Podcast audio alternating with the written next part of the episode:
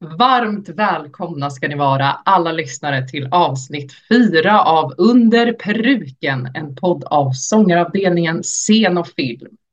Hur mår du idag Sterby? Jo, tack bra. Jag mår jättebra. Jag har haft en jätteinspirerande coaching med en fantastisk Kul. pianist. Eh, och det gjorde mig faktiskt så otroligt glad. Alltså sjukt att man kan bli så, upp, det är så uppåttjack liksom när man får hålla på, man får musicera på, på hög nivå och liksom, gud, musicera på hög nivå. Nej men alltså när man känner så här, nu jobbar vi verkligen och löser problem och det blir så bra. Typ. Alltså det, det är så roligt, väldigt kul. Ja, verkligen, och man blir så här, jag kan tänka mig att man blir inspirerad och taggad på livet liksom. Ja, men det är sjukt att man kan typ bli så här inspirerad av att inse att man måste fixa så mycket med sitt eget sätt att sjunga. Alltså, förstår du vad jag menar? Fixa så mycket. Du vet när man bara säger det här måste jag öva på, det här måste jag göra mer på det här sättet. Att man kan bli liksom taggad på att hitta utvecklingspotential. Liksom. Ja, förstår du? Verkligen. Ja. Ja. Ja, ja men det är fantastiskt ja. när det händer. Uppåt tjack, musik alltså. Mm. Mm. Ja men härligt. Mm. Hur mår du? Jag mår bra. Eh, jag har eh, pysslat lite med eh, ett forskningsprojekt som jag ska vara med i. Ja. Eh, så jag har liksom, ja vad ska man säga, improviserat lite, lite sångslingor och sådär till färdigskriven text. Mm. Ehm, så ja, men det är spännande att få forska lite överlag om sång och sådär. Mm, kul. Men idag ska vi ju inte prata om oss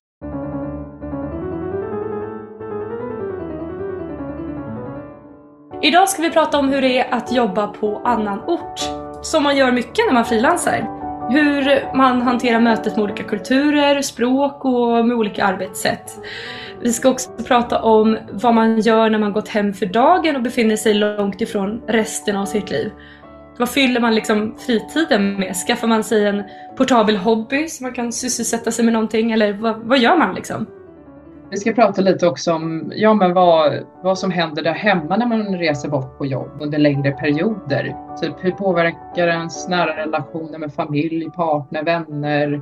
Vem vattnar växterna om man bor själv? Liksom, vem hämtar posten? Alltså allt det där. Liksom, hur löser man det praktiska när man är borta perioder? Eller hyr man ut sin lägenhet? Det finns ju ja, det. det också. Det ska vi djupdyka i lite mer med våra gäster idag. Elisabeth Strid och Conny Timander. Varmt välkomna ska ni vara Elisabeth Strid och Conny Timander till avsnitt fyra av Under peruken. Tackar så mycket. Tack så mycket. Ja.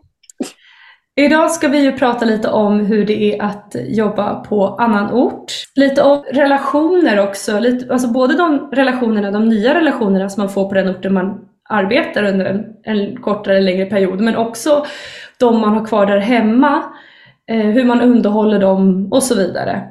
Och lite vad man gör på fritiden när man är långt hemifrån. Liksom, vad sysselsätter man sig med när arbetsdagen är slut? Eh, men först så har vi några lära känna-frågor till er. Så jag börjar med Elisabeth. Var befinner du dig just nu? Jag är hemma i mitt hus i Hörby och har hållit på att julpynta och greja lite här, förbereder nya roller. Så det är jätteskönt att vara hemma. Hur länge är du hemma då? Eh, jag får vara hemma till slutet av januari faktiskt, så det är mm. ovanligt lång tid.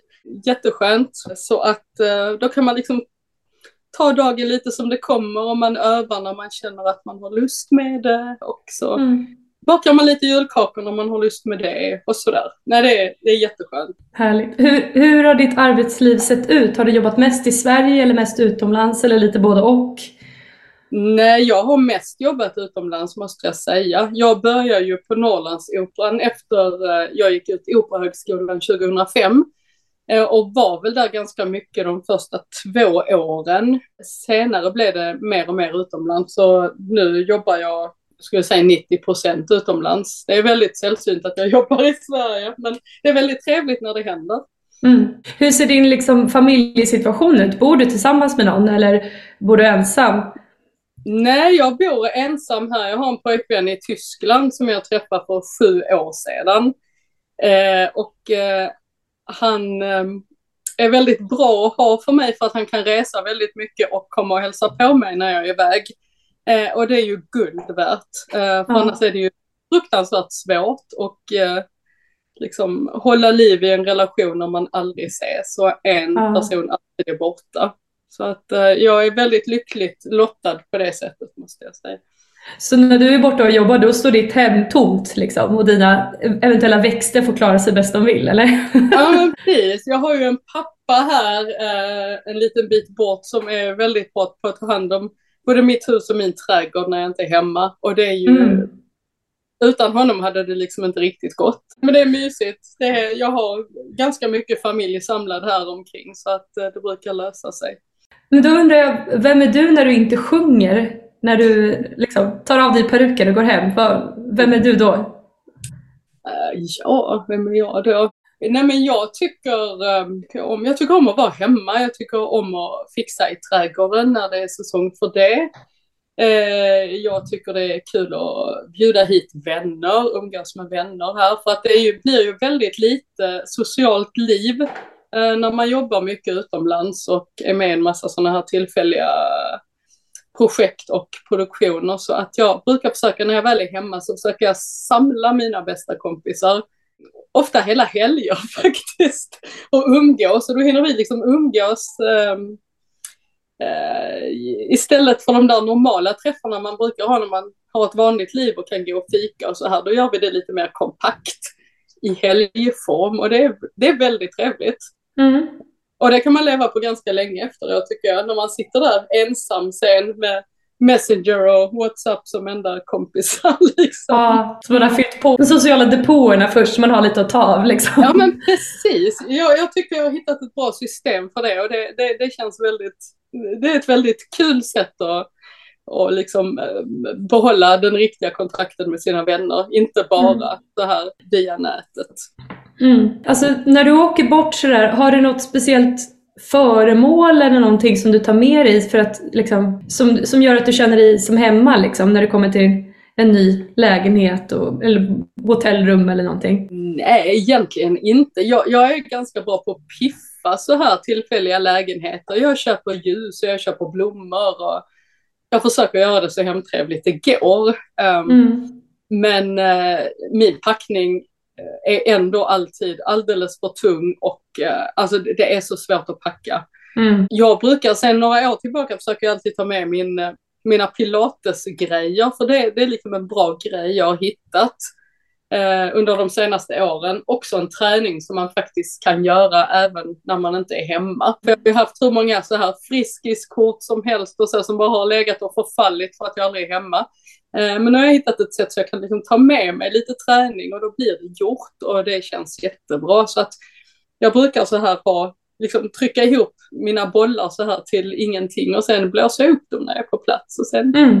har jag dem. Så det, det tycker jag är jättebra faktiskt. Jag är väldigt glad att jag kom i kontakt med den träningsformen för att den är också väldigt bra rent sångligt känner jag. Man, man, man stärker kroppen på ett bra sätt.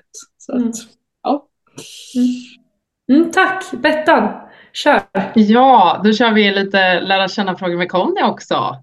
Och då frågar jag dig samma fråga. Var befinner du dig just nu? Ja, jag befinner mig helt i hemmet ehm, i Malmö. Ehm, lite opassande för det här speciella avsnittet att vi ska tala om hur det känns att vara inte hemma. Men just nu är jag perfekt där jag vill vara i, i min lägenhet i eh, Malmö och där jag också gör en produktion just nu. Så att, eh, ja, det är otroligt eh, lyxigt på det sättet. Vad härligt. Är du hemma då ett tag eller? Ja, nu kommer jag faktiskt vara här till ehm, ja, åtminstone april ut så får vi se sen. Vad Ehm, skönt. Ja, otroligt skönt. Och då kan man ta tag i alla de där projekten liksom, som har ja, legat i träda. Ja, För vad är det för i- typ av projekt du har?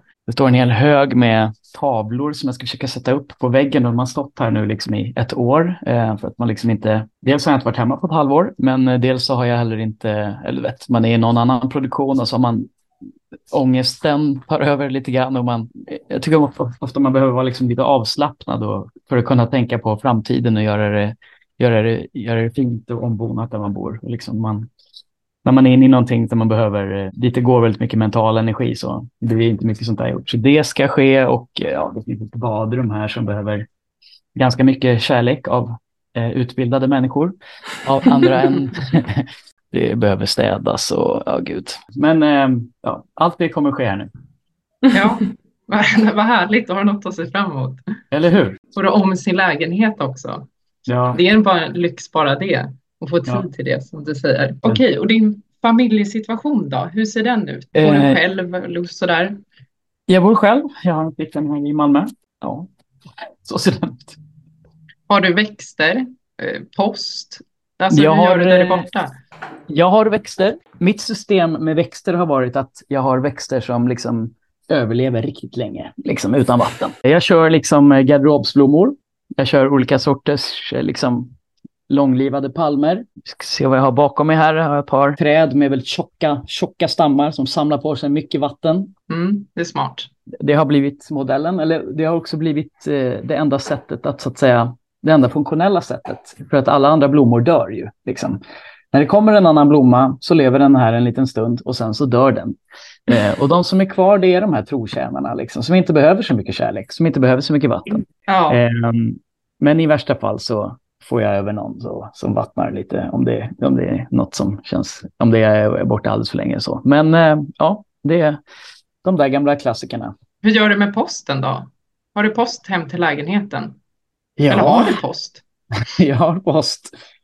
Nej, men eh, ja, det samlar sig en hög där. Ehm, Ja, Jag menar, ibland kommer man ju hem också såklart och kan ta bort högen. Skulle det vara något problem med post annars? Att det, du menar räkningar och sånt eller? Ja, men det var det. Nu tänkte jag så här, oj, det här kanske är lite en förlegad fråga, för många har ju via arkiv eller liksom får allt digitalt idag. Men Ja. eh, om det är liksom kontrakt och så där, men då kan man också skicka det till den orten man eh, jobbar i då, antar jag. Att det är Ja, liksom inte precis. det här nödvändiga som kommer hem i brevlådan, helt enkelt. Ja, nej, men precis. Nej, men det är väl frilanslivet eh, har väl tvingat en till att bli en modern människa där man inte måste sitta under brevlådan och storögt titta uppåt och se vad som ska komma där, utan det mesta dyker upp i olika inkorgar och appar och allt. Allt Mm. vad det heter. Ja, vad det kan vara. Okej, men vem är du när du inte sjunger då? När du tar av dig peruken, så att säga. Oj, oj, oj, exakt samma person. Nej, jag är otroligt. den roll som jag just nu spelar resten av livet också. Nej, men jag, eh, mina hobbys då. då. Eh, jag spelar eh, innebandy väldigt gärna. Mm. Jag är med i två innebandylag här i, i Malmö bara. Men här är jag ju inte alltid. Så eh, när jag är i Sverige då, till exempel i Göteborg eller Stockholm, så har jag andra innebandylag där som jag kan höra av mig till och säga hej, hej, kommer ni ihåg mig? Nu vill jag spela med er igen. Och så brukar jag få kunna göra det. Oj, vad kul! Ehm, Så det gör jag till exempel. Ehm, Det är nästan min enda träningsmetod också. Jag önskar jag hade några pilatesbollar eller motsvarande som Elisabeth hade, men, men det brukar bli löparskorna bara, liksom sådär, vilket jag tycker är erbarmligt tråkigt. Så jag måste byta, jag måste hitta en annan metod där. Mm. Men sen så spelar jag ganska mycket schack också. Ja, Och, så jag eh, tittar också på schack. Ja, det sänds massor på, på liksom YouTube och så vidare. Och olika tävlingar och följer. Mm. Jag följer alldeles för, mycket. Spelar alldeles för mycket. Ja. Ja. Nej, du är en superbra portabel hobby också med. Den har den Verkligen. överallt liksom. ja, men verkligen. Det, Möter du då ungefär- kollegor som är intresserade när du är på resande fot och tar liksom en match? Alltså det händer ju ibland om man liksom yppar det här lilla intresset. Liksom sådär. Men det, schack är svårt på det sättet att det är viktigt att man är ungefär lika bra, annars är det liksom inte så roligt. Ehm, och det brukar vara väldigt svårt att hitta någon som är på samma nivå som en själv. Och då, Mm. så det brukar, man brukar ta ett parti och sen så tittar man aldrig på varandra igen. Men, alltså, man eh, kanske inte alltid vill eh, liksom bjuda in någon till en match heller för att riskera liksom. Nej, men precis. Det relationer. kan man ju liksom göra. Men alltså, ja, jag menar inte att man riskerar relationer, men, men det är liksom Nej. man spelar ett parti och sen så bara, ja, okej, du var bättre, tack. Ja. Ja, nej, men vad kul. Ehm, sådär. Men väldigt ofta där, i de liksom. här, ja, precis. Väldigt ofta i de där apparna kan man se eh, varandras ranking så att man kan liksom, utan att ens spela, vet man vem som kommer vinna. Blir man intresserad då av att köra matchen? Ja, alltså, det finns alltid någon slags förhoppning från den sämre spelaren att man kanske ändå, och det är också kul att möta någon som är liksom mycket bättre än en själv för att man får en slags känsla av, vet, man blir inspirerad av någon som är bättre. Ja, ja det är som- sant. det kan vara i branschen också, sångarbranschen. När man någon förstulen enstaka gång, möjligen, möjligen, möjligen träffa på någon som är lite bättre än en själv. Okay. Ja, det där vet inte ni någonting om, men jag, jag kan berätta att det är så. Ja, det får framtiden utvisa. Ja. Eh, Okej, okay. sista frågan. Har du ett speciellt föremål som du alltid tar med dig när du är ute och reser? Speciellt föremål? Som kanske får dig att känna dig mer hemma eller ja, som piggar mm. upp liksom? Nej, det har jag nog inte riktigt. Jag tycker varje produktion får sina egna liksom, föremål. Ehm, jag, jag minns någon gång någon produktion där jag köpte en t-shirt som jag liksom hade som någon slags hämtade kraft ur.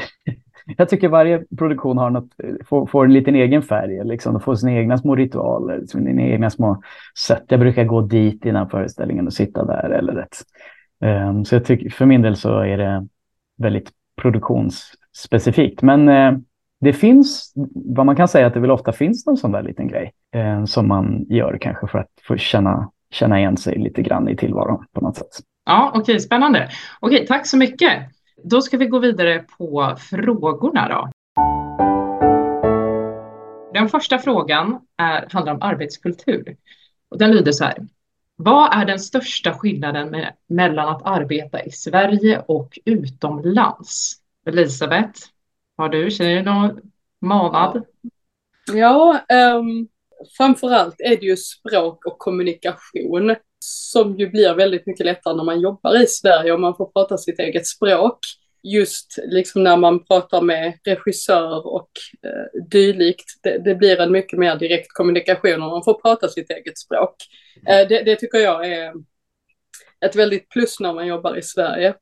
Men eh, annars så ehm, jag har väl genom åren känt lite så här att folk kanske överlag kommer lite mindre förberedda i Sverige än vad man gör utomlands. Att det finns en större tidsrymd för att rätta till dåliga instuderingar i Sverige. Det finns liksom inte riktigt den, eh, vad ska man säga, eh, varken tiden eller lusten, framförallt då, jag pratar om Tyskland, utan det är lite mer strikt att komma ut i Europa och man förväntas kunna sina saker till 100 procent.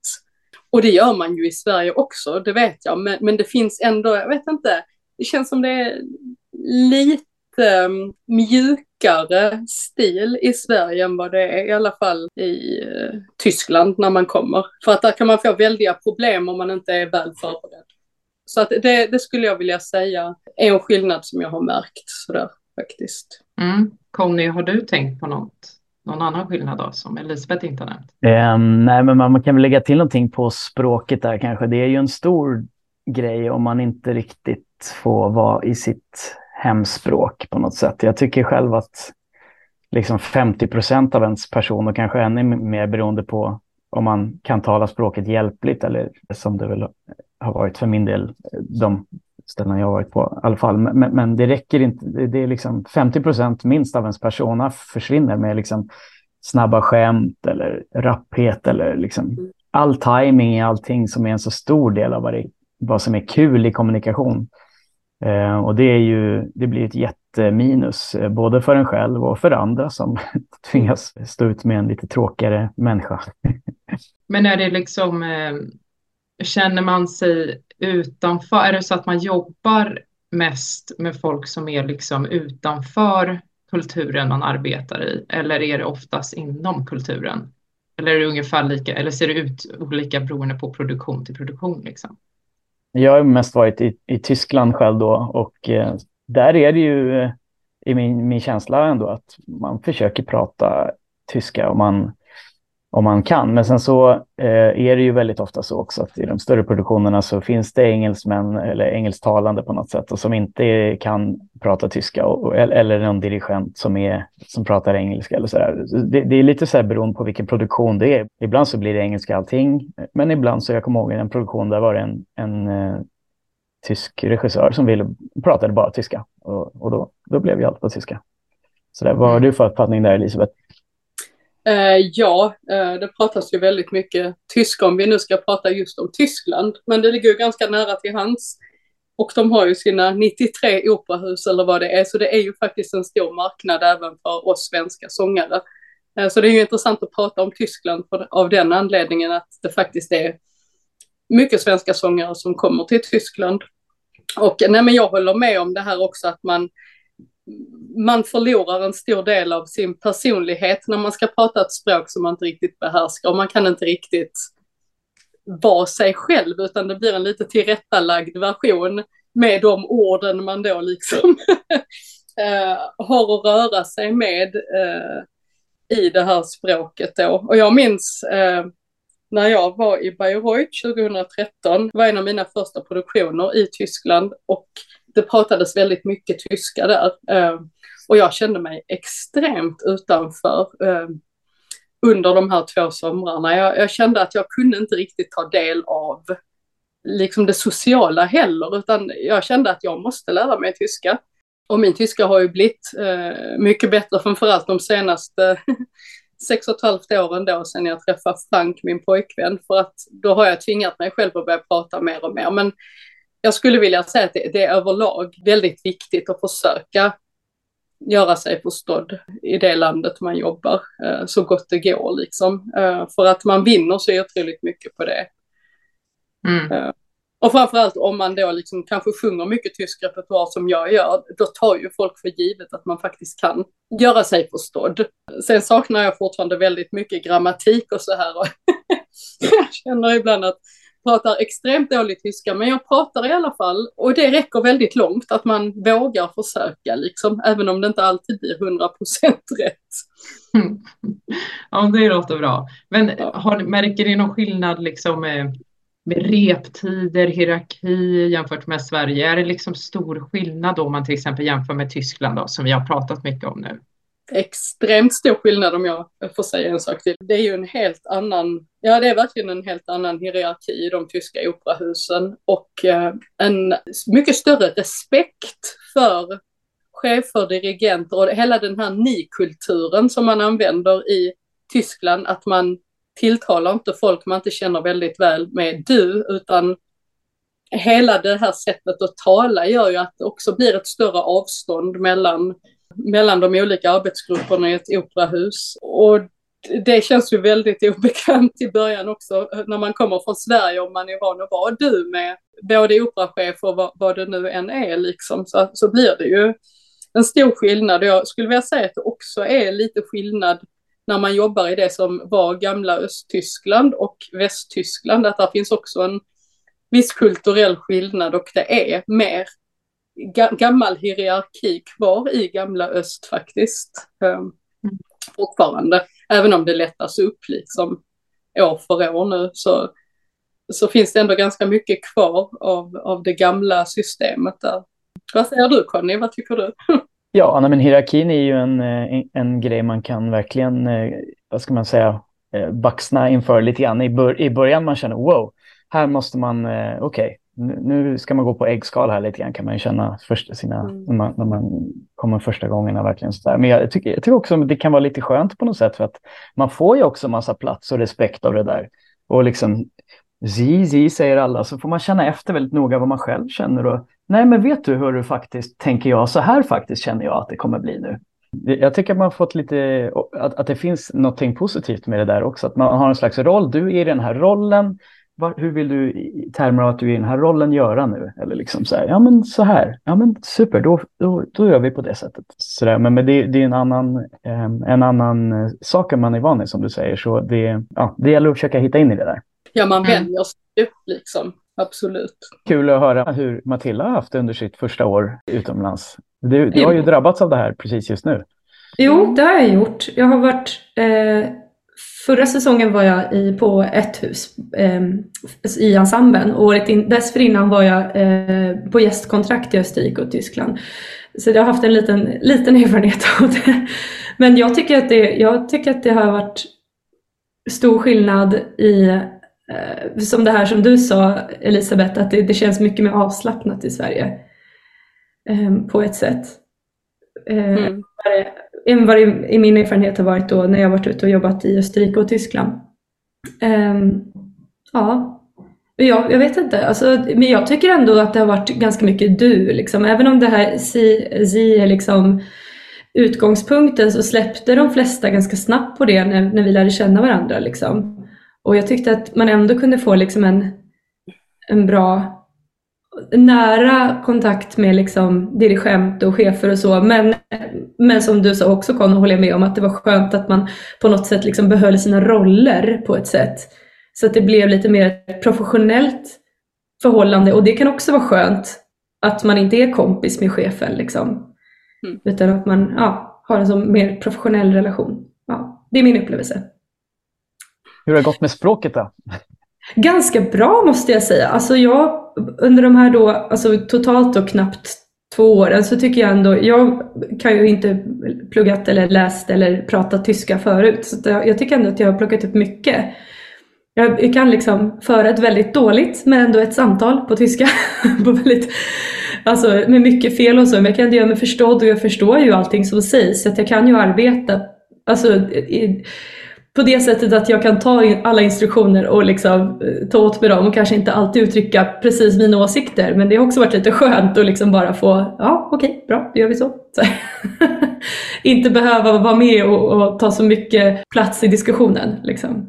Ja. Jag minns en eh. grej om Tyskland som jag måste bara, mm. som jag kommer att tänka på nu bara. I de produktioner jag varit med i så har det liksom alltid suttit en hel rad med människor eh, där. Eller på ett helt annat sätt än vad, än vad liksom är i i Sverige eller ja, Danmark. Eller, och det där kan ju också vara ganska jobbigt när man liksom, regissören frågar någonting på, på tyska så ska man liksom någon, någon initierad eh, konstnärlig fråga kring ens rollfigur. Jag minns att jag fick en sån min första produktion i Tyskland och så ska man inför de här elva människorna som sitter intresserat och mycket intresserat och, och lyssnar på ens mycket, mycket trevande och eh, mycket, mycket felaktiga svar.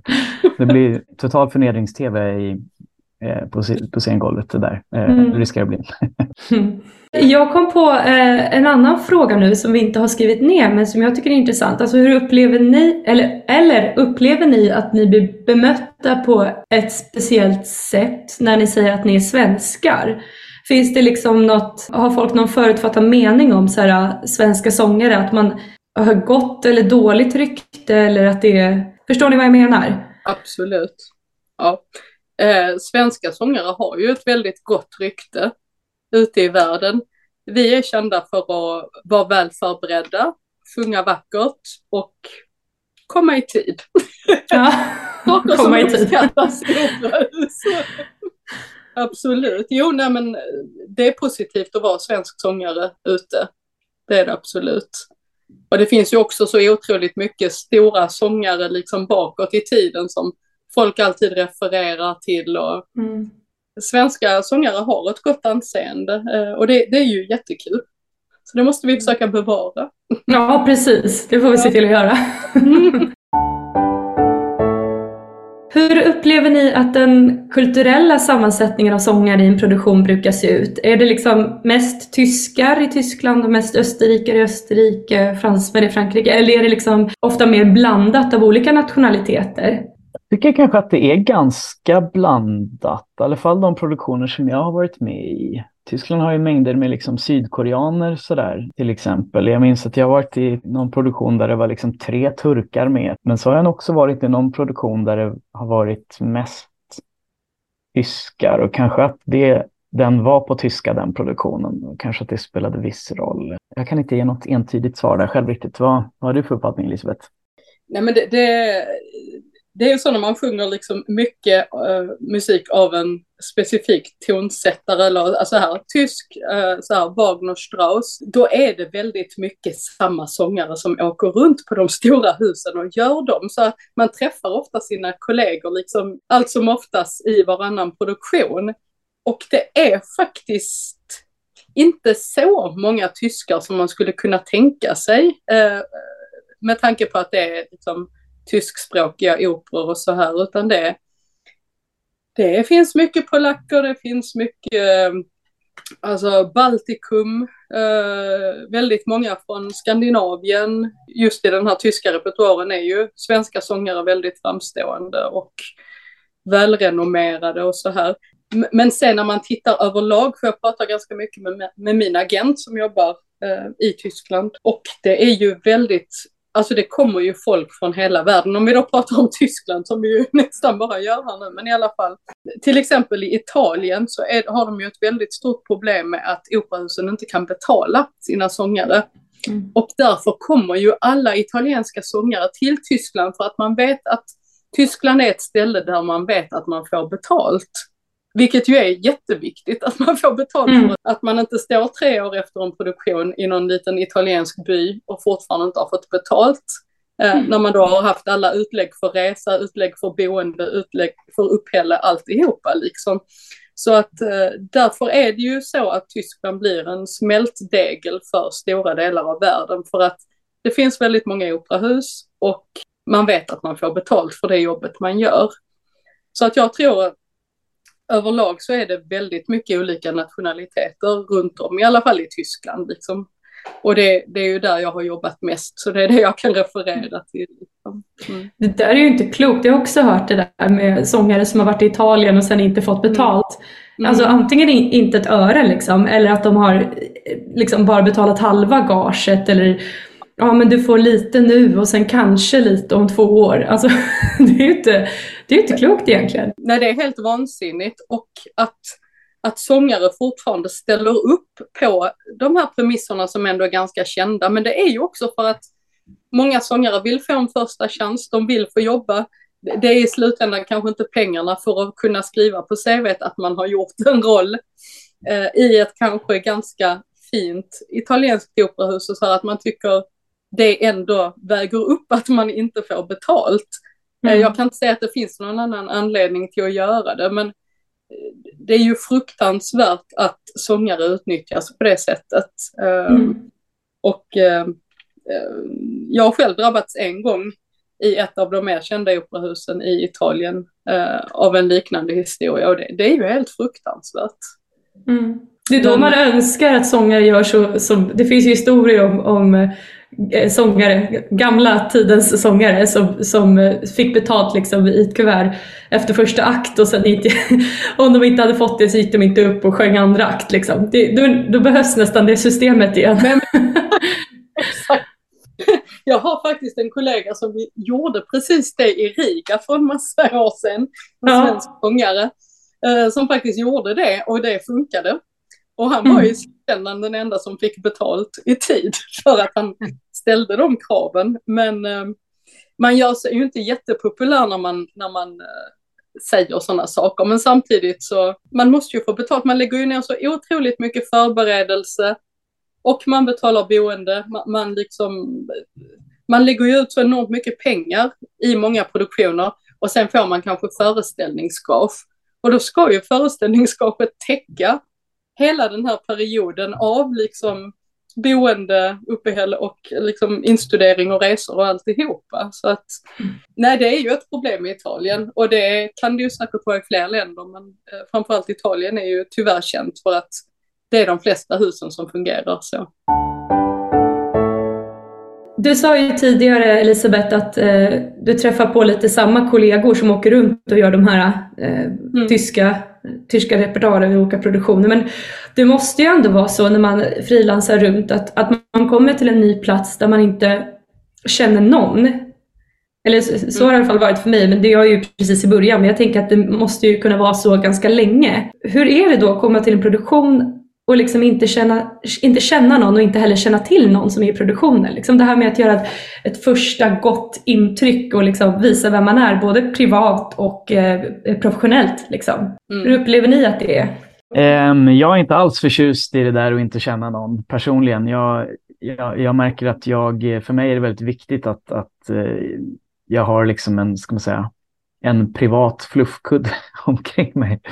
Jag märker att jag första tiden ägnar väldigt mycket energi åt att liksom bli kompis med folk och liksom känna att det finns en positiv energi runt omkring mig på något sätt. Liksom. Jag, jag gillar inte alls när det är bara min pres, prestation liksom, som, som det handlar om på något sätt. Liksom. Så att det, hela mitt, det är lätt att känna att hela ens människovärde bara består i ens, liksom, ens eh, sångliga och sceniska prestation. Jag, jag försöker liksom, ska man säga, vattna ur det genom att känna att det finns kärlek även om, eh, eh, oavsett hur det går. så att jag förstår vad jag menar. Mm. Eh, jag är väldigt glad att jag har eh, fått chansen att vara väldigt mycket i Sverige, för nu, känns det, nu, nu liksom finns det alltid folk som jag känner på alla ställen som jag kommer till. Så man, man kan liksom utgå ifrån någonting. Folk vet lite vem man är och vad man har gjort lite grann. Och liksom, man bedöms inte lika hårt på sina prestationen precis just nu, så att säga, utan, utan man, man, har, man har lite bagaget på det sättet och lite, lite marginal. Så, och har ju dessutom direkt vänner eh, när man kommer till ett nytt ställe. Jag minns eh, direkt när jag gick ur Operahögskolan så eh, var jag på, på Operan sen i ett och ett halvt år till och då hade jag varit på Operan i ett år också. Då hade jag varit på Operan och gjort, skapat vänner i två och ett halvt år. Och sen så bara en dag så slutar ju den där, där kortet att fungera. Och så, så kommer man inte in längre. Där man har haft en plats och man har haft ett liv och man har liksom alltid kunnat träffa folk och liksom folk ser en och de blir glada om man ser folk och man blir glad och liksom man kan skoja och skämta och liksom man kan gå dit någon, när, man, när man eh, övar någon dag. Men sen då så slutar kortet att fungera och sen så är man bara utanför allt det där och kan inte alls på ett naturligt sätt liksom gå in och träffa de här människorna och liksom få den här roliga kontakten. Och det är ju, det är ju hemskt. Eh, jag minns det, jag minns det som lätt traumatiskt när det blev så. När, när det var mina, mina första liksom, jobb på det, på det där sättet också. Och sen så försvann allt det där på en gång. Liksom. Men eh, ja, nu tio år eller vad det är senare så har jag byggt upp en liten kompisbas eh, här och där som jag kan återansluta till då när det kommer en produktion, då, i alla fall här i Sverige och i viss mån Danmark. Det är, jätteviktigt för mig, eh, helt enkelt. Vad säger du Elisabeth? Nej, jag sitter och tänker att det är ju alltid en väldigt stor press när man kommer till ett nytt ställe som frilansare, eh, som den sopranen som fick rollen istället för alla andra som inte fick rollen och man måste det är ju en ständig psykisk press att leva upp till det folk förväntar sig av en. Um, och um, jag vet inte, jag har väl lärt mig att leva med det på något sätt. Um, man kan ju inte tänka för mycket på det, då blir man ju det blir ju jättejobbigt liksom. Men, men det, det är ju så och det, det har väl jag saknat lite eh, under mina år hittills, det här med att att jag inte har varit en längre tid i ett svenskt hus på det sättet sen Norrlandsoperan då för jättelänge sedan och att, att man inte har det där umgänget och man är väldigt mycket ensam när man kommer ut. Um, och ibland är det ny roll, uh, ny dirigent, ny, alltså det, och man måste ju vara sitt bästa på så väldigt många sätt. Man ska vara lätt att ha att göra med. Man ska kunna sina grejer naturligtvis. Eh, man ska helst eh, sjunga jäkligt bra. Eh, man ska liksom vara lätt på scenen att jobba med. Ehm, det är ju väldigt, det är en väldigt komplex grej det där och man är ju väldigt ensam i det där på något sätt. Och man måste, tänker jag, stå ut med sig själv och med ensamheten som frilanssångare som är mycket utomlands för att det är enormt mycket ensamtid. Ja, men om vi spånar vidare lite på det här med frilanslivet och man är från sina nära och kära under längre perioder och så där. Hur brukar ni liksom underhålla era nära relationer när ni är iväg? Har ni några knep eller något som säger det här funkar för mig alltid eller det här mår jag bra av? Eller liksom, hur går ni tillväga? Man ska försöka att inte bara vara negativ här och säga att man sitter bara WhatsApp och, och, och, Messenger hela tiden, vilket kan låta lite fattigt. Jag tänkte på när jag såg den här frågan, vi fick läsa några av frågorna innan vi gjorde det här avsnittet. Eh, och då tänkte jag, finns det något positivt att säga om den här frågan? Ja, men det gör det faktiskt.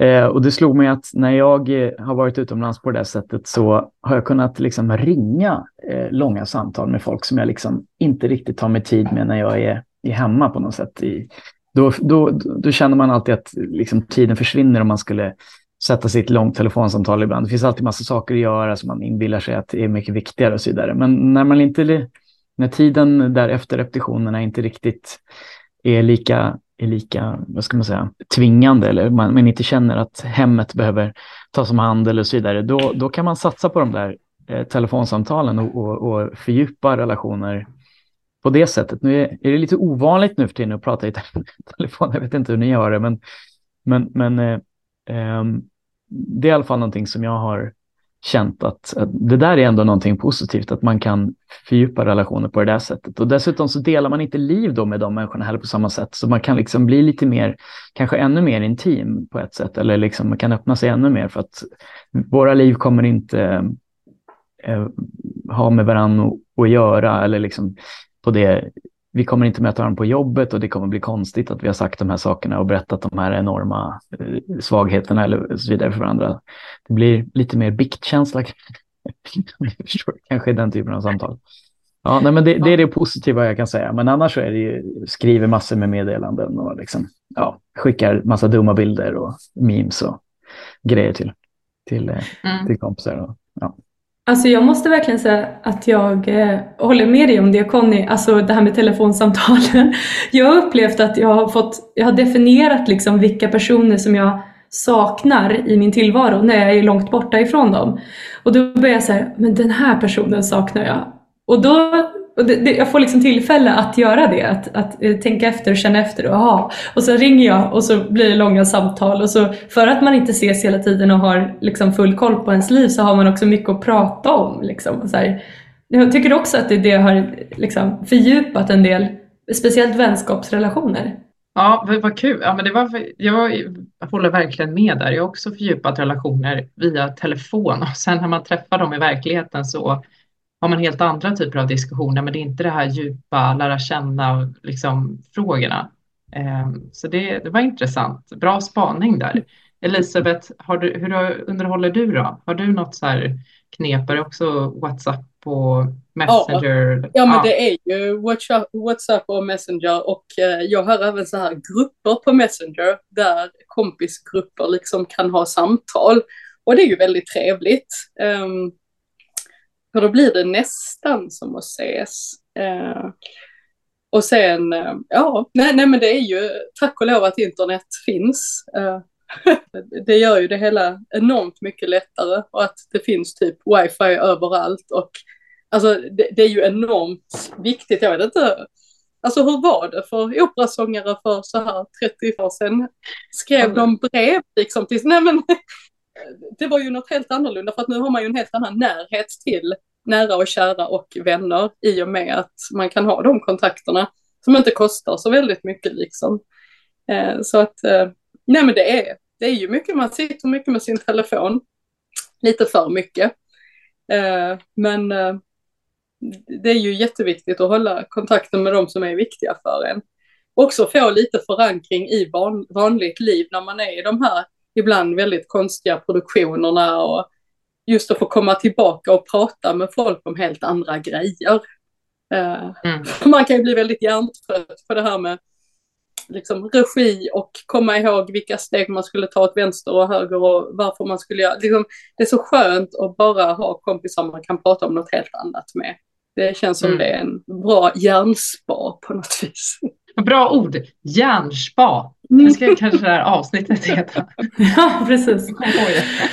Jag tänker på det här med eh, sociala relationer på plats. Du sa Conny att det är viktigt för dig att, att eh, skaffa dig liksom kompisar direkt, att lära känna folk i, i produktionen som du är i, som du jobbar i. Att ha det här fluffet. eh, men jag tänker, alltså när man, man är ju ofta liksom en korta, intensiv men kortare period då, om man är i en produktion och frilansar runt. Det finns ju liksom, eller jag har funderat över det där, att det, det, visst det finns ju värde i att liksom skapa sig ett socialt liv på plats, ett socialt nätverk, att man får sina rutiner, man har någon som man kanske alltid dricker kaffe med eller liksom något sånt där. Men, men sen när man åker därifrån träffas man kanske aldrig mer igen. Eller om man kommer träffas så vet man inte när det är och det kanske är i en annan produktion om tre år. Och det tycker jag tär lite på en. Liksom. Jag funderar på det där, är det värt att investera i nya relationer? Och hur mycket är det värt att investera i dem? För, för det man får på kort sikt och, och det liksom kanske tar energimässigt på lång sikt att vara så jag vet inte, vad, vad, tänker ni om det? Liksom? Delas, vad, liksom, bli så privat eller nära eller knyta an till flyktiga bekantskaper? Jag brukar inte göra det. Jag brukar hålla mig ganska mycket för mig själv. Om det inte känns så här att det verkligen så här stämmer med någon person som jag känner att den här personen kommer jag ha kontakt med ändå om tio år för att vi har verkligen någonting liksom speciellt. Men annars så, nej, jag orkar inte riktigt engagera Men jag känner, jag känner också det där att, nej men efter de här två månaderna så, så ses vi inte igen och då känner jag att jag har mina riktiga kompisar på hemmaplan. Och eh, jag behöver inte omge mig med folk bara för att jag inte ska vara själv. Eh, då är jag hellre själv och går och upptäcker en ny stad eller så här. Jag, jag vet inte. Det, det, kostar mycket och dels ge av sig själv. Det här utbytet som krävs för att uh, man ändå ska liksom, för att det ska vara värt någonting. Jag vet inte. Jag, mm. jag tycker det är ganska skönt att och vara själv så jag har liksom inget problem med det. jag är lite asocial. har det alltid varit så? Eller har det liksom utvecklat sig? Jag vet inte. Alltså, sen är det ju också det här att när jag jobbade i Sverige då i början, då umgicks ju vi mycket uppe i Norrland till exempel och så här, och det var ju en annan grej. Det blir, och det måste jag också säga att är det svenskar i produktionen som man känner så umgås man ju alltid. Det blir ju så här familjekänsla liksom. Mm. Jag har ju några som jag har sjungit med flera gånger och, och det, man blir ju så glad när de här människorna kommer. Folk som man känner sen innan och som man liksom har ett förflutet med på ett eller annat sätt och man liksom har gemensamma vänner och allt vad det är. Eh, då är det ju väldigt, väldigt kul. Men, eh, och jag tror det är mycket lättare i Sverige. I Sverige umgås man på ett annat sätt när man är hemma liksom. Och, men det här att vara någon annanstans och då lär man känna folk som pratar ett annat språk och det, liksom, det, det, blir, det, det tar lite emot känner jag.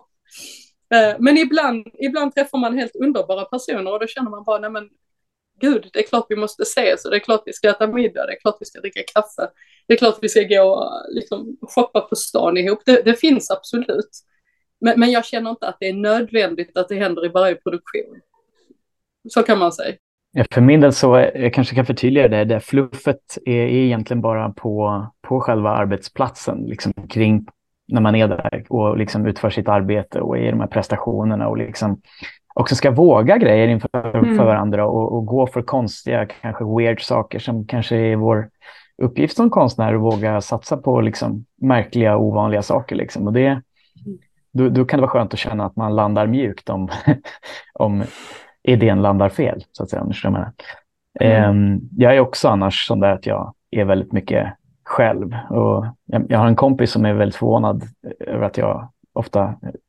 Jag åkte till Japan till exempel själv på semester i tre veckor. Mm. Um, vilket var oerhört förvånande. Så hur kan du åka dit själv? Liksom, sådär. Och, och Japan som är så liksom, svår kultur att komma in i. Liksom sådär, så artigt men, men distanserat. Men jag vet inte. Jag är också en, en sån människa som, som, eh, som trivs med det. Sådär. Och så, så är det ju precis sådär ibland så är det någon kul människa som blir en vän. Eh, jag minns att jag träffade en, en kul kille i, i Düsseldorf som, som bor i Hamburg egentligen. Eh, och vi, jag åker dit ibland eh, till honom, varannat år ungefär. Och så är jag där några dagar, bor hos honom och så snackar vi om allt möjligt. Och, liksom, och sen så syns vi inte igen. Ja, ibland har man tur att träffa någon sån där lite vän, vän för livet då, eller liksom i alla fall någon som har betydligt starkare kontakt med. Eh, men jag har inget liksom, behov av att hela tiden vara på middag med någon. Eller liksom. Mm. Jag har aldrig förstått det där att det skulle vara pinsamt att äta ensam ute. Till exempel. Nej, det förstår inte jag heller. Så folk verkar det måste man väl få problem göra. med det. Eller, det verkar vara en, eller som jag har förstått det så är det en grej. Liksom. Åh nej, äter ensam. Gud alltså, jag pinsamt. tycker det är lite jobbigt. Ja, men, folk tycker det. Jag... jag tycker det. Ja, jag tycker det. Jag äter mycket hemma faktiskt. Ja. Men eh, det är ju mitt problem. Jag tycker också man ska kunna gå ut. Det är bara det att jag tycker det känns konstigt. Ja. Jag tror det är nog lite 50-50, men eh, jag också så jag tycker att ibland att det är gött att käka själv ute. För då, alltså, jag tittar på maten och jag njuter av mat, om det, mm. speciellt om det är god mat. Liksom. Annars är det så lätt att man eh, ska liksom försöka underhålla någon konversation, speciellt om det är med någon man inte känner så bra och så där. Det kan också vara en stress, så det kan vara ganska skönt. Men ibland så känner jag att man får konstiga blickar och så här, och alla sitter i par, man ser bara par överallt. Det är lite 50-50. Nästa fråga då. Vi har ju pratat om det här lite grann om att det kan vara väldigt intensiva repdagar om man eh, repar till utomlands och sådär. Man kanske inte kan språket, mycket information att ta in och sen kommer man hem till en tom lånelägenhet. Man kanske inte har någon där som man känner och sådär. Vi har pratat lite om portabla hobbys och sådär. Men vad, vad, brukar ni göra när ni kommer hem från en lång arbetsdag? Vad, vad, liksom, vad är ni sugna på att göra då? Det beror på lite vad det varit för arbetsdag kanske. Om det varit en eh, väldigt jobbig arbetsdag, då är man inte sugen på särskilt mycket. Då, man, då är man bara hemma. och liksom, lägger mig på sängen och liksom försöker få tillbaks energin på något sätt. Men eh, det skulle också kunna vara så att man är, har en ledig dag plötsligt. Då eh, brukar jag försöka liksom, se den här staden man är i nu. Då är det turism. Liksom. Nu är jag turist. Och så kollar jag upp grejer och så eh, går jag på de grejerna. Och, och ibland så, eller väldigt ofta så lämnar de operahusen ut liksom personalbiljetter till föreställningarna. Ja, men då kan man gå och se den föreställningen som är ikväll. Och liksom. ja, jag, jag försöker gå all in liksom, turism och turista och kanske åka någonstans. Och nu kan man åka upp i något litet berg som finns här. Eller liksom så här. Jag, jag, jag försöker låtsas att jag är på semester. Samma sak när jag åker på auditions ibland. Då försöker jag också låtsas att det är semester. Försöker stanna lite extra tid så man hela tiden inte bara åker dit för att liksom prestera. Utan det är, liksom, ja, det är en liten del av det. Men annars så ska jag upptäcka den här lilla avkroken i världen. Har du några så favoritturistattraktioner eller vad man ska säga? Är det så att du alltid kollar in museet eller alltså, har du något, så här, något tema? Ja, men moderna konstmuseer brukar jag liksom alltid kolla in först och främst. Det brukar alltid vara en höjdare. Sen försöker jag fundera på om det är andra grejer som är stora teman på det där sättet. Nej, men jag brukar nog försöka... Alla, alla ställen har ju sina små specialiteter och sina unika grejer. Liksom så här. Men just det där modern konst, det är liksom... Det finns ju ofta verkligen flera eh, ganska många sådana ställen på alla ställen man kommer till. Så det finns mycket att tröska igenom, men, men det brukar väl vara mitt to-go-ställe. Mm, to-go-ställe, det är bra. Eh, Elisabeth då? Ja, jag håller med väldigt mycket med vad Conny säger. Jag försöker också turista och njuta av att vara på en ny plats och upptäcka och gå på museer och, och så här. Och framförallt mellan föreställningar sen då, om, om man är kvar.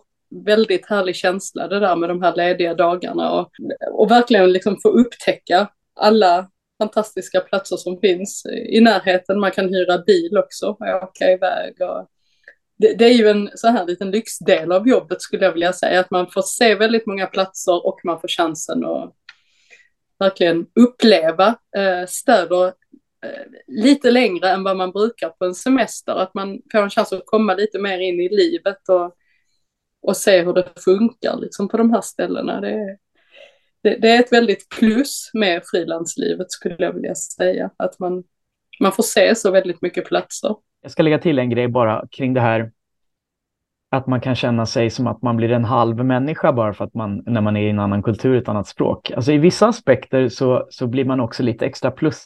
Man får någon slags kanske liten status som man, bara det för att man är inbjuden speciellt för det här. Och liksom, det där kan man också få lite fördelar av socialt ibland. Eh, Eh, och man kan bli inbjuden till något ställe som man kanske inte skulle kommit på annars. Eller någon, någon fest som de tycker att man förhöjer för att man är en liksom, Eh, utländsk operasångare. Eller liksom sådär. Eh, så det, det, det, finns också en, en plussida av, av det här. Att, att, eh, att man är exklusiv på en ort på det där sättet. Jag, jag tänkte på en sak där. för att alltså, jag var i en produktion där alla var gäster och då blev det väldigt mycket socialt liv för att alla var på annan ort. Liksom. så att så fort det var, ja men nu har vi en ledig dag här, ingen har tid att liksom åka hem, men alla vill göra någonting. Liksom. Så då gick man liksom ut och käkade tillsammans och liksom hade, hade en liten låtsasfamilj där under en period. Sen direkt efter det så var det en annan produktion där bara jag var gäst och alla andra var fast i ensemblen. Och de har ju sina liv som, som fortgår som vanligt och en del har familj på plats eller även om man inte har det så har man sina rutiner och sin lägenhet och, och kanske så här, nej men jag ska spendera lördag med att hänga upp de där tavlorna liksom, eller något sånt där. Och jag var så här, jag var, jag var helt ensam och jag vågade liksom inte jag hörde att mina kollegor skulle gå ut och ta en bärs efter eh, något rep så och, och, och tänkte ja men de bjuder väl in mig då. Men det gjorde de inte. Och, och då var jag så här, men gud jag vågar inte fråga, jag vågar inte tränga mig på. De har ju sitt sociala gäng här så kommer jag och ska störa liksom. Så till slut så gjorde jag det och då var jag ju självklart medbjuden. Men det var sån otrolig skillnad på att vara tillsammans med andra gäster och sen komma liksom och vara ensam utifrån. Liksom. Jag tänkte på det när du, sa, när du sa att man får lite extra guldkant som gäst, men man kan också bli väldigt utanför i en sån situation när man är ensam gäst. Verkligen. Jag var också i en produktion i Düsseldorf, en spar och damproduktion. Och då var, då var jag den enda som inte var ryss.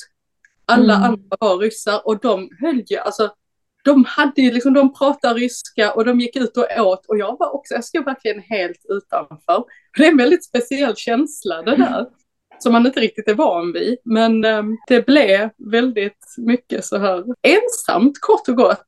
Mm. Det, det fanns liksom ingen väg in där. För det är klart att inte en grupp på tio personer som pratar ett språk vill bjuda med någon som gör att alla måste prata ett annat språk helt plötsligt. Mm. Lite, lite så var det ju. Och eh, det vande man sig ju också vid, men, men det, var väldigt, det har bara hänt en gång och det var väldigt speciellt faktiskt. Man kan verkligen känna sig ensam och utanför i sådana situationer och inte riktigt veta hur man ska liksom komma in eller man känner att det går liksom inte utan de har sina sociala liksom, grejer, eh, de här gängen. Det är ganska sällsynt, men, men det var speciellt. Jag tänkte på det här som du sa tidigare eh, Elisabeth med att det, du har inte massa föremål som du packar med dig men det blir ändå så att dina resväskor blir för tunga. Alltså hur tänker man egentligen? Hur ska man tänka när man packar? För att man kan ju inte liksom packa ner vandringskängorna ifall det blir en liten bergstur liksom. Och också packa ner liksom stafflit om det, alltså alla, för alla förutsättningar. Men alltså hur tänker man när man, när man packar och ska vara borta i tre månader? Jag vet inte, jag tycker det är jättesvårt. Exakt, hur tänker man? Jag, jag vet inte heller. Det, det blir ju så i slutändan att man köper ganska mycket saker på plats som man känner att man inte fick med sig. Vilket i slutändan gör att, att, att man har alldeles för mycket av allt möjligt hemma när man väl kommer hem med övervikt i bagaget. Det, det är jättesvårt.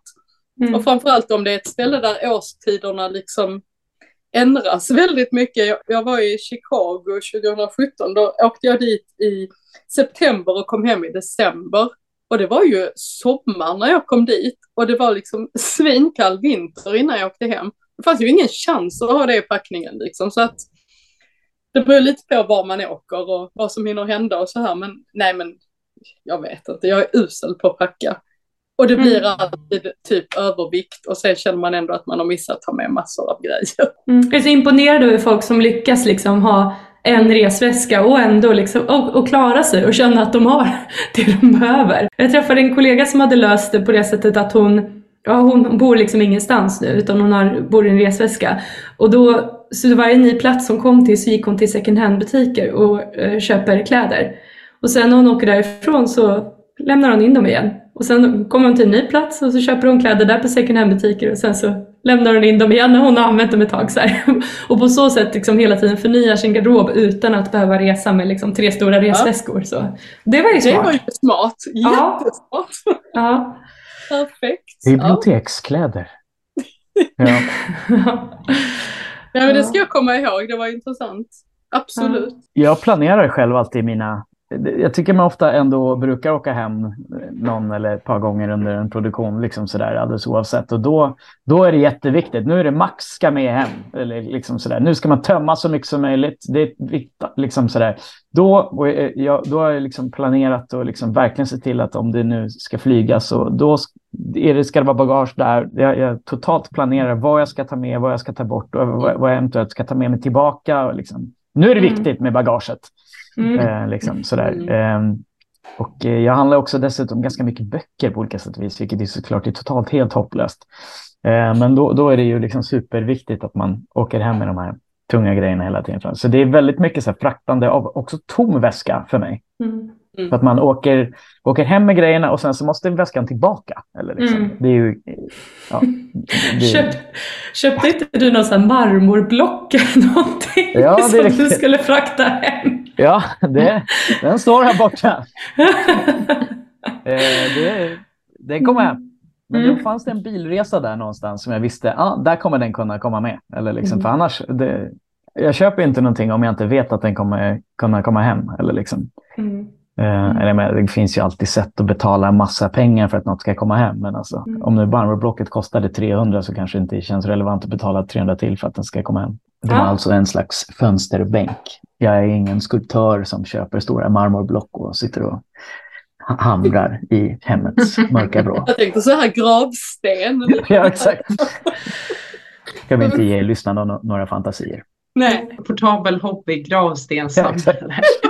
Det är väldigt just portabelt. Det är min mest Ja. portabla hobby. Sen har jag andra som inte är så portabla, men det är i nästa avsnitt.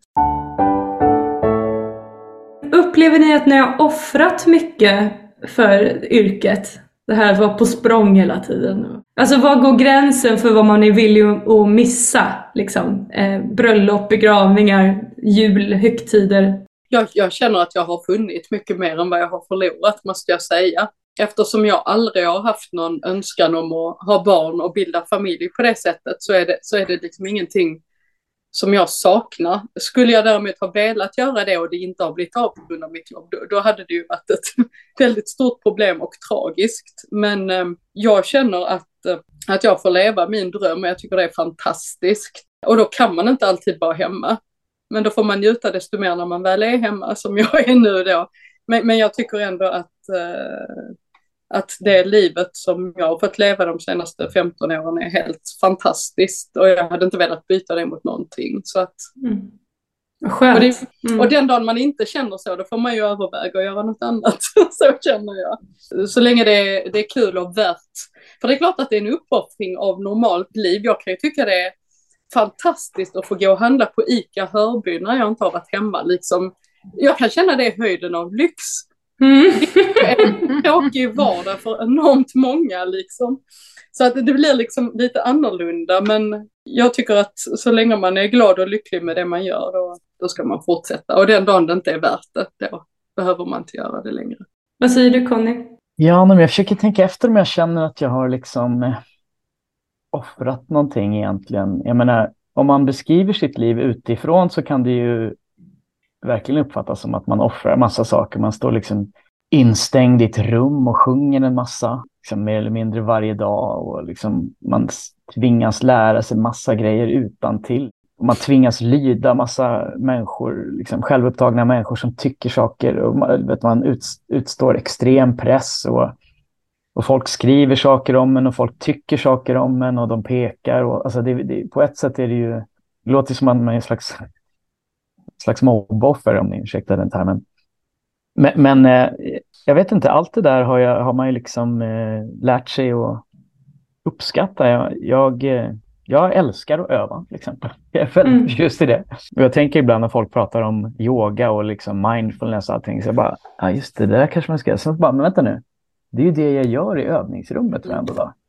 Man, man står där och samlar sig kring ett fokus och man förbättrar någon slags själslig aktivitet och man, man andas och man använder kroppen och få va, att få vara i den här otroliga, otroliga musiken och det här liksom, de här uttrycken och, eh, och få åka till alla de här fantastiska platserna och liksom eh, jag antar att alla liv blir så att man liksom långsamt vänder sig eller liksom långsamt anpassar sig perfekt till det, till det liv man, man lever. Liksom man, man lär sig gilla det som är sämre och man lär sig uppskatta ännu mer det som är bra på något sätt. Och, och det kanske har blivit så. Och, om man frågat mig för tio år sedan hade jag kanske eh, sagt någonting annat. Men, men eh, jag uppfattar, eller jag, jag måste ärligt talat säga att jag inte känner att jag offrar någonting för, för det här, utan tvärtom att jag snarare får saker utav, utav yrket också. Mm. Vad skönt. Positivt. Ja. ja. Ja, men eh, jag tror att vi är nästan klara va? Ja, vi har Ja. bara en, eh, en avslutning och det är om ni har något tips på vad som kan känna er trygga när ni kommer på en ny plats. Eh, Har ni något som ni kan säga så här, mm, det här mår jag bra av, det här, det här får mig att känna mig trygg. Vi var inne lite grann på det där tidigare. Jag, jag kan också göra som Elisabeth antydde tidigare, att jag försöker pynta lite grann. Eh, jag kan köpa någon liten, liten blomma som, som kommer leva med mig en liten stund. sen kommer vi gå skilda vägar, eh, som många plantor som ni har förstått här också. Men, men eh, sen så av någon anledning så kom jag på att säga att jag, jag eh, tycker att det är roligt att ha stjärnat massa eh, eh, olika ställen på, på, på Google, på Google Maps. Och det, det kan kännas väldigt tryggt att komma tillbaka till. Ah, här är alla mina favoritställen. Du vet, mm. Om man nu kommer tillbaka. Ah. ah, just det där. Och där var det där. Ja, ah, just det. Och där gick det. Ah, nah. Så kommer det där gamla livet tillbaka. Så kan man snabbt återansluta till, till, det, här, till det här livet som man har, har levt där. Och, men det är då, då har man ju etablerat en trygghet redan som man kommer tillbaka till. Det kanske inte var helt svar på frågan egentligen. Men, mm. Jo, men ändå. Man har ju också man får ju också, det kanske blir en sporre att även om man kommer till en ny plats första gången att man känner ja men nu ska jag hitta mina favoritställen mm. och fylla i och det blir ju liksom en, en aktivitet direkt. För så är det verkligen för mig. Ja, bra, bra tips tycker jag. Eh, Elisabeth då, har du något? Du har ju varit inne på det du brukar finta. Och... Nej, jag tänker rent så här, jag tänker mer mentalt i den frågan för att mm. jag känner mig trygg på en ny plats och ett nytt ställe om jag är väl förberedd. Om jag vet att, i och med att det handlar om opera vi pratar om nu, att jag vet att jag har förberett mig så gott jag kan. Och, och det är liksom grunden, och det är, liksom, det är så här grundläggande för en produktions början, hur man blir mottagen, hur det går, att, att man verkligen har förberett sig. Eh, och sen pynt liksom i lägenheten, om man känner att man har total ångest för att man inte kan det man ska, då spelar det ju ingen roll om man har Eh, ett doftljus eller en blomma, liksom, för då, då är världen katastrof ändå. så att, alltså verkligen att känna att, att man har förberett sig så gott man kan, det tycker jag är liksom enormt viktigt. Mm. Då har man något att falla tillbaka på liksom också. Ja men absolut. Ja men bra hörni, då var vi klara. Tack så jättemycket för era svar. Det var mm. superintressant att höra tycker jag. Tack ja, det var jättetrevligt. Tack själva. Mm. Och eh, vi säger till när det kommer ut så får ni lyssna på vad ni har sagt. Jag kommer aldrig lyssna, men det var kul. ja, nu har vi sagt hej då till Elisabeth och Conny. Um, vad tänkte du på efter vårt samtal med dem, Bettan? Ja, men alltså det jag tar med mig mest eh, från liksom hela samtalet, det, det var ändå dels det här med att det är ett ensamt yrke. Men eh, mm. samtidigt så blev jag så positivt överraskad över att de båda svarade att de inte hade upplevt att de offrar någonting. Vad roligt yrke. att du säger det. Det var exakt de två grejerna jag tänkte på också. Att jag, jag tänkte så här, vad kul att de känner att det är värt det. Men också så här, gud vad det känns som att det är ensamt. Alltså. Verkligen. Och typ som Conny nämnde så här, ja men kanske att jag hade svarat annorlunda för tio år sedan på den frågan. Om man mm. hade offrat mycket för yrket. Men idag, alltså båda har ju ändå haft liksom rätt långa karriärer får man ju ändå säga liksom. Och att mm. i slutändan så, det är lite som man frågar någon på dödsbänden typ. Alltså inte för att de är gamla eller så, men så här, Nej, de ångrar du någonting du har gjort liksom. i ditt liv? ja. ja, men alltså du vet det här, ja. ångrar du något du har gjort i ditt liv? Nej, men alltså så här. Och så ja. att det blir liksom lite samma svar där. Att, men, men för mig var det positivt att jag kan känna att det är ensamt i början. Liksom. Ja. Men att det, eller att man uppoffrar saker och, och så här liksom. Men, eh... Ja, alltså på sätt och vis det här som Conny sa att man, att han sa att kanske det är så att man efter ett tag så vänjer man sig vid sin situation och liksom lär sig tycka om de bitarna som är negativa och sen uppskatta ännu mer de bitarna som är positiva. Det, mm. Jag tror att det kan ligga någonting i det för att jag kan ju känna efter att bara ha smakat på lite grann och jobbat några år eh, och varit på olika orter att jag tycker att det är ganska mycket man offrar. Men på något sätt så är det lite hoppfullt som du säger att det verkar ju inte som att de tycker det alls.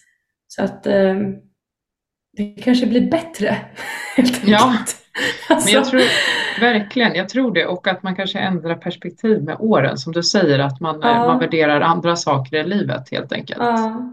ja, och att man kanske lär känna sig själv, att man vet hur man hanterar olika situationer för, för att man har varit igenom dem förut, liksom. Mm. ett par gånger förut. Jag tyckte det var kul för att jag upplever att det är så att jobba i Sverige, att man springer på folk och träffar allt, att det alltid finns någon man känner eller i alla fall känner till som man gemensamma vänner med liksom, Mm. eh, i olika produktioner när man åker runt. Liksom. Att alla känner alla för att det är en så liten marknad i Skandinavien. Mm. Eh, men det var kul att höra att det ändå det är egentligen en så pass liten värld att Elisabeth sa att hon hela tiden springer på kollegor och eh, vänner och gamla bekanta i produktioner i, ute i Europa på olika platser. Liksom. Mm. Det tyckte jag var lite roligt. Världen är inte så himla stor liksom. Nej, men Och verkligen framförallt inte. inte operavärlden kanske.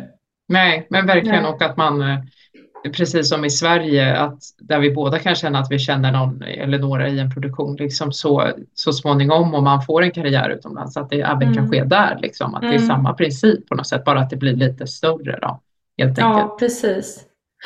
Ja, Ja, Ja, men eh, det var en spännande uppladdning. Jag ska ju, om ett par månader ska jag åka till Wien och vara där på Mm. ett projekt. Och jag vet, eller vad jag tror nu, så tror jag inte att jag känner någon som ska vara, som, jag, jag känner inte någon som ska vara med eh, någon av rollerna liksom, det vet jag.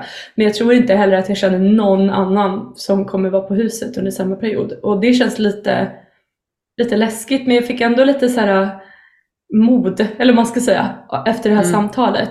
Och kände så här, ja men det kommer, det kommer gå bra, det löser sig. Liksom. ja, där du har varit hittills, när du har jobbat i Tyskland, Ja. har du alltid känt någon, liksom?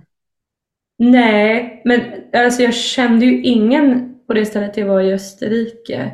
Men där var det ju det som att alla var gäster så att det var lätt att komma in i gruppen liksom, för att alla sökte kontakt. Liksom. Mm. Ehm, men sen kände jag ingen heller när jag var i, i produktionen i Tyskland Mm. efteråt i Hannover. Ehm, och egentligen kände jag ingen heller när jag först kom till, till Karlsruhe där jag var i fjol. Men då Mm. lärde jag känna folk efter ett tag. Ehm, men det, det är ju för att jag precis har börjat så det är ju därför. Man har ju Ja. liksom varit runt så mycket.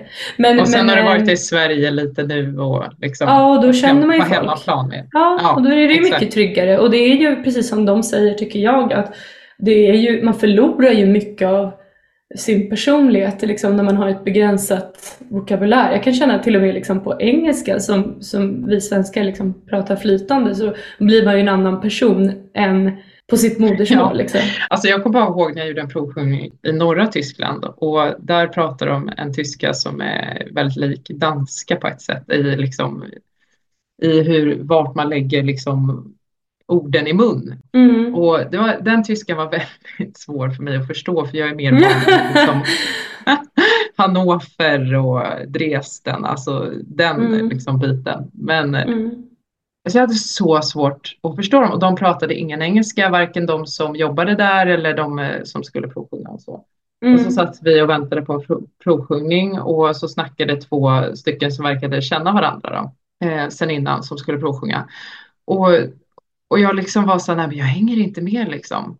Och de var så här, ja men alltså är det okej och är det okej att vi sitter och pratar? Jag bara, ja, ja, ja, ja. Men alltså bara det att man kände sig så här, ja men jag kan inte bidra med någonting. Alltså du vet, den, man blir så extremt begränsad och det kan ju också misstolkas till exempel att man så här, eh, inte vill vara så social eller liksom att man Ja, att man Ja. är blyg eller typ så här, Ja. saknar humor. Men alltså ja, för jag har en kompis som är tyska som jag nu betraktar som en kompis. Men när jag träffade henne för första gången så, så pratade vi, för då var det en, en, kvinna från England där också. Och, eh, så då pratade vi engelska med varandra. Och då tänkte jag så gud vilken tråkig människa. om, om den här tyskan alltså. Jag bara, gud vad hon är tråkig, så personlig, alltså så blek personlighet. ja, Och sen så eh, tog jag kontakt med henne då för att jag var på en plats då där jag inte kände någon. Så då var jag så ja ja men det här är väl min enda kontakt, jag får väl reach out till henne liksom. Och då Ja. hade jag plockat upp lite tyska. Så då pratade vi tyska med varandra. Och helt plötsligt så bara blomstrade hennes personlighet. Och jag bara, men gud hon är jättetrevlig. liksom. ja. Och, då, då framstod säkert jag så mycket tråkigare eftersom jag inte kunde uttrycka mig på samma sätt. Liksom. Så det ligger Ja. verkligen någonting i det som, som de tog upp där med liksom, Ja. Språk och ja, ja, att det liksom man blir så otroligt mycket friare när man får vara på hemmaplan liksom, bara av Mm. kommunikationsskäl. Ja, oerhört, verkligen. Mm. Ja, det var spännande att höra. Men mm. eh, i, vi ska också snacka lite med Julia Sporsén som är producent för den här podden. Ja, oh, knackar hon på ja. nu? Hej Julia och välkommen tillbaka! Tack så mycket! Nu är vi ju klara med eh, pilotserien av Under peruken. Vi har spelat in fyra avsnitt med åtta olika gäster. Um, och det var det för den här gången. Precis. Eh, vilken resa, jag på att säga. ja, verkligen. Ja. Du är ju på sätt och vis vår uppdragsgivare i egenskap av ordförande för sångeravdelningen i scen och film. Och vi bestämde oss för att göra en liten pilotserie på fyra avsnitt för att testa om det här var en grej som vi ska kanske göra på lite längre sikt. Och nu är det klart. Ehm, tankar? ja, precis. Nej, men ni har ju varit igenom ganska mycket i de här avsnitten och massa olika gäster och ämnen, så jag är ju jag är jättenyfiken på vad ni tänker så här långt. Liksom. Vad, blev det som ni trodde det skulle bli? Vad, liksom, vad hände alltså jag, på vägen? Alltså jag skulle säga att det blev bättre. Jag var rädd att det skulle vara ganska stelt att spela in via Zoom och prata om ämnen som ibland kan vara lite komplicerade. Eh, men jag upplever verkligen raka motsatsen. Alltså det har varit alltså, fantastiska gäster vi har haft med oss de här fyra avsnitten och de har verkligen bjussat på sig själva, kommit med jättebra råd och pratat om viktiga saker. Och det är också något som vi har fått som feedback i varje avsnitt att jag det är så bra att ni gör det, vilket bra initiativ, att det, liksom, det, det märks att det finns en efterfrågan på att det, det, ska, att det ska få finnas ett forum och prata om sådana här saker med. Eh, och vi har ju varit öppna och frågat gästerna, ja, men, här, lite om det skulle bli fler avsnitt, vad hade ni tyckt var intressant att prata om sådär? Och då, då får man ju hela tiden liksom massa input om eh, olika typer av ämnen. Så, ja, men det här skulle jag tycka var intressant eller det här och det här. Liksom. Och mm. det, det, det, tyder på att det, att det är någonting viktigt och att, eh, att det finns ett behov. Och det tycker jag är jättekul. Mm. Ja, man har verkligen märkt att det, det finns mycket att prata om i, inom vår bransch. Liksom. Mycket som vi behöver prata med varandra om. Och att, att alla verkligen har, alla har sin egen upplevelse och erfarenhet. Och ibland så kan det vara så att fast man kommer från helt olika håll eller har till synes olika liksom, arbetssätt, världar eller liksom arbetsplatser, att man ändå delar många erfarenheter och, och tvärtom. Äh, vad ska man säga? Men alltså det, det har varit väldigt intressant. Jag måste säga personligen att jag har känt mig mycket mer trygg än vad jag trodde jag skulle göra i den här rollen av att sitta, att vara den här som inte, som bara, men jag fattar inte, vad betyder det här då? Liksom, ja men det här, och ställa, vara den här personen som ställer dumma frågor och, och bara liksom är helt transparent och öppen med att det här vet jag ingenting om, berätta. Det, det har känts underbart. Jag tycker att, att eh, jag har lärt mig jättemycket av att träffa våra gäster och prata om de här ämnena. Vill ni säga något om lite idéer som kom fram från gästerna om andra ämnen?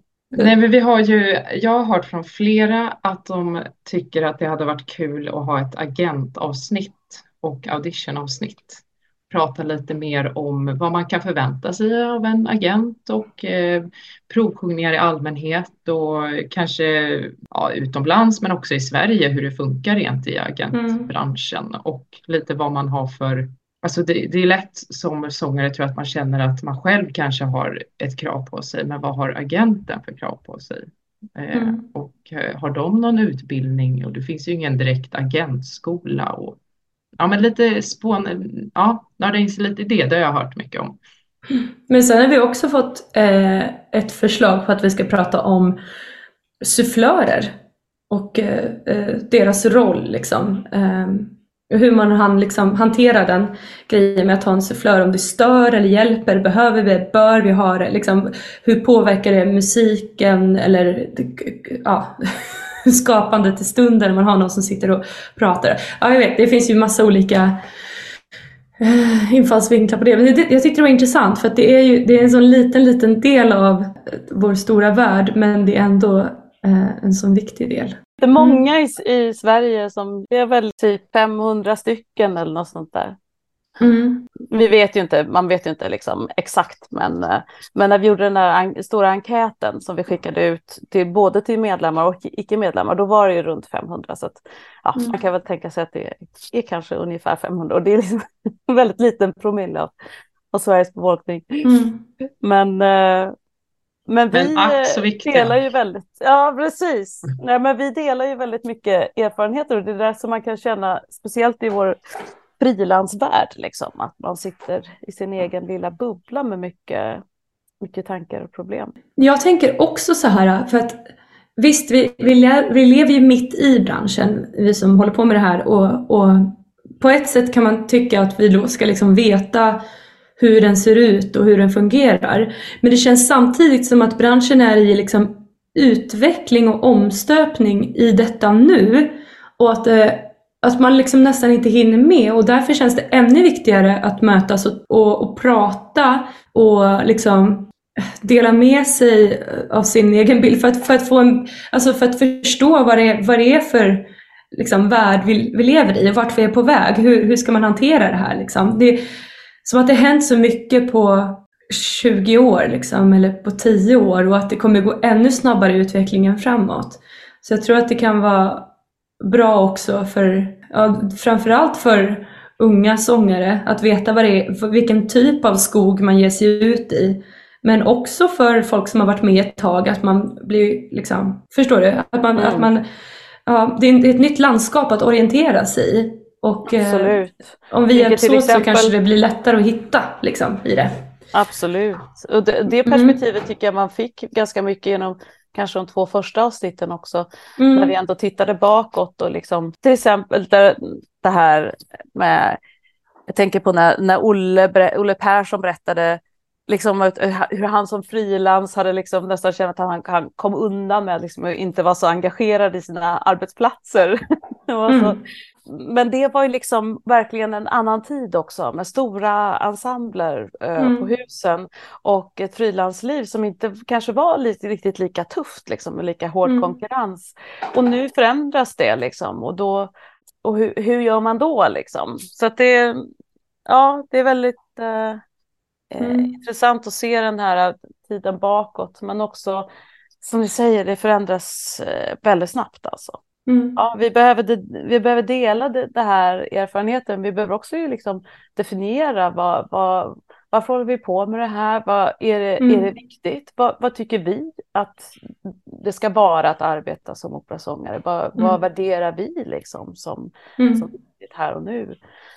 Um, och, ja, hur, precis. Som, och hur reagerar vi mot eh, hur samhället fungerar just nu? För det är en stor skillnad i hur mycket man satsar på kultur nu. Och ja, och vad är, det, vad, är det som vi, vad är det i det vi brinner för som vi tycker är så himla viktigt som vi till varje pris måste liksom få, få ut till publiken? Vad är det, eller så känner jag i alla fall. Jag, jag tycker att det är jätteviktigt med opera och, och kultur överlag. Jag, jag tror verkligen på att att det behövs i samhället. Men att liksom på något sätt definiera vad, vad är det i det som är så viktigt. Liksom. Ja men absolut. Och om man ska liksom kunna vara en, en uh, kreativ person i det här samhället som har någon slags betydelse. Hur, mm. hur ska man då göra för att må bra och kunna mm. fungera. Mm. Jag tänker på det här när vi pratade med Olle och Katarina om, Olle Persson och Katarina Leosson om arbetsmarknaden på 80-90-talet. Det verkar som att det fanns liksom hur mycket jobb som helst. Katarina sa någonting om att ja, men det var typ så att var man en bra sångare så fick man jobb. Och så ser det ju inte alls ut idag. Det finns ju hur många duktiga sångare som helst som går utan jobb eller i alla fall långa perioder utan jobb. Och eh, vi fick bilden av att det då på den tiden ploppade upp liksom nya arbetsplatser och tillfällen eh, lite här och där. Nu känns det mer som att det liksom pluppar ner, att de avvecklas mer och mer, försvinner mer och mer. Och samtidigt de senaste åren så eh, har jag i alla fall en känsla av att det har liksom pluppat upp fler och fler skolor där man utbildar sångare. Så att det kommer fler och fler sångare ut på arbetsmarknaden men arbetstillfällena liksom blir färre och färre. Och dessutom så är det ju en väldigt internationell arbetsmarknad. Inte bara att vi åker utomlands utan att andra sångare också kommer till Skandinavien och söker jobb. Eh, och det tänker jag är en stor förändring eh, som har skett de senaste liksom, 20-30 åren. Mm. Förändrar arbetsklimatet mycket. Liksom. Ja, verkligen. Ja. Eh, och jag tänker alltså genom att det här har varit en pilot på fyra avsnitt så vet vi ju inte riktigt vad som komma skall helt enkelt. Eh, så nu Nej. gäller det, nu pratar jag till lyssnarna, nu gäller det för er lyssnare att om ni tyckte att det här är intressant, skriv in till oss, berätta vad tycker ni är bra, vad kan vi förbättra? Lajka gärna avsnittet där ni lyssnar på eller skriv en kommentar och visa om ni tycker att vi ska fortsätta helt enkelt och prata mer om denna djungel till bransch. Om ni tycker att det är skit så får ni gärna säga det också. Alltså helt ärligt. Tycker ni att det är skit, säg det. Och om ni tycker så här, byt programledare, säg det också. Byt eh, stil. Alltså det här är ju liksom gjort av sångare för sångare. Av oss för oss. Liksom. Så att, eh, ja. Säg vad ni tycker. No hard feelings. Precis, vi, har, vi harvar ju på här. Vi, vi, liksom, vi lär oss ju allt eftersom. Eh, vi är liksom inga professionella poddare, men, men eh, jag tycker att, jag menar, vi har ju massor av nya ämnen eh, på gång som ni förstår. Vi vill ha fler idéer av er, men vi har ju själva också en lång, lång lista.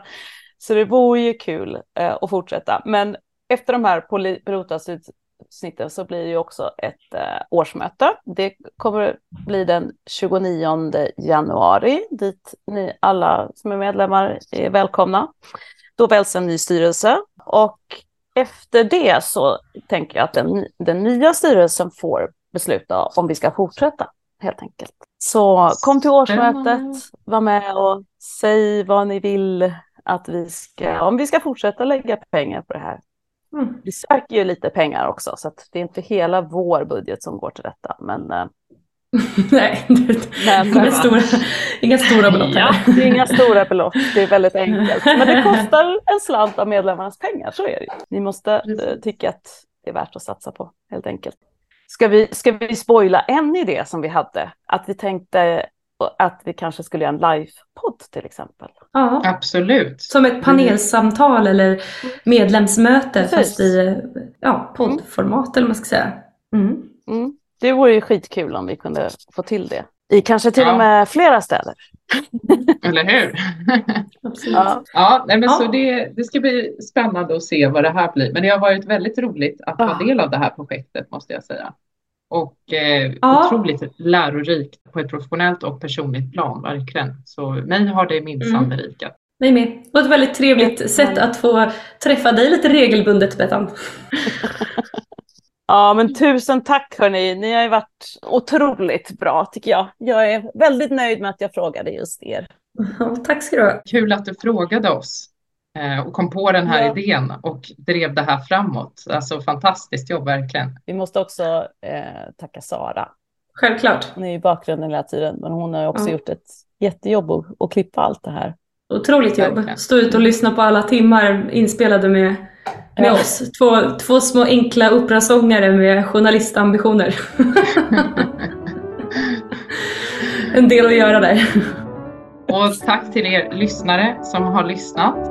Och eh, ja, vi får eh, önska er all lycka till i fortsättningen. Gott nytt. Ja. Hej då! Hej då! Ha det!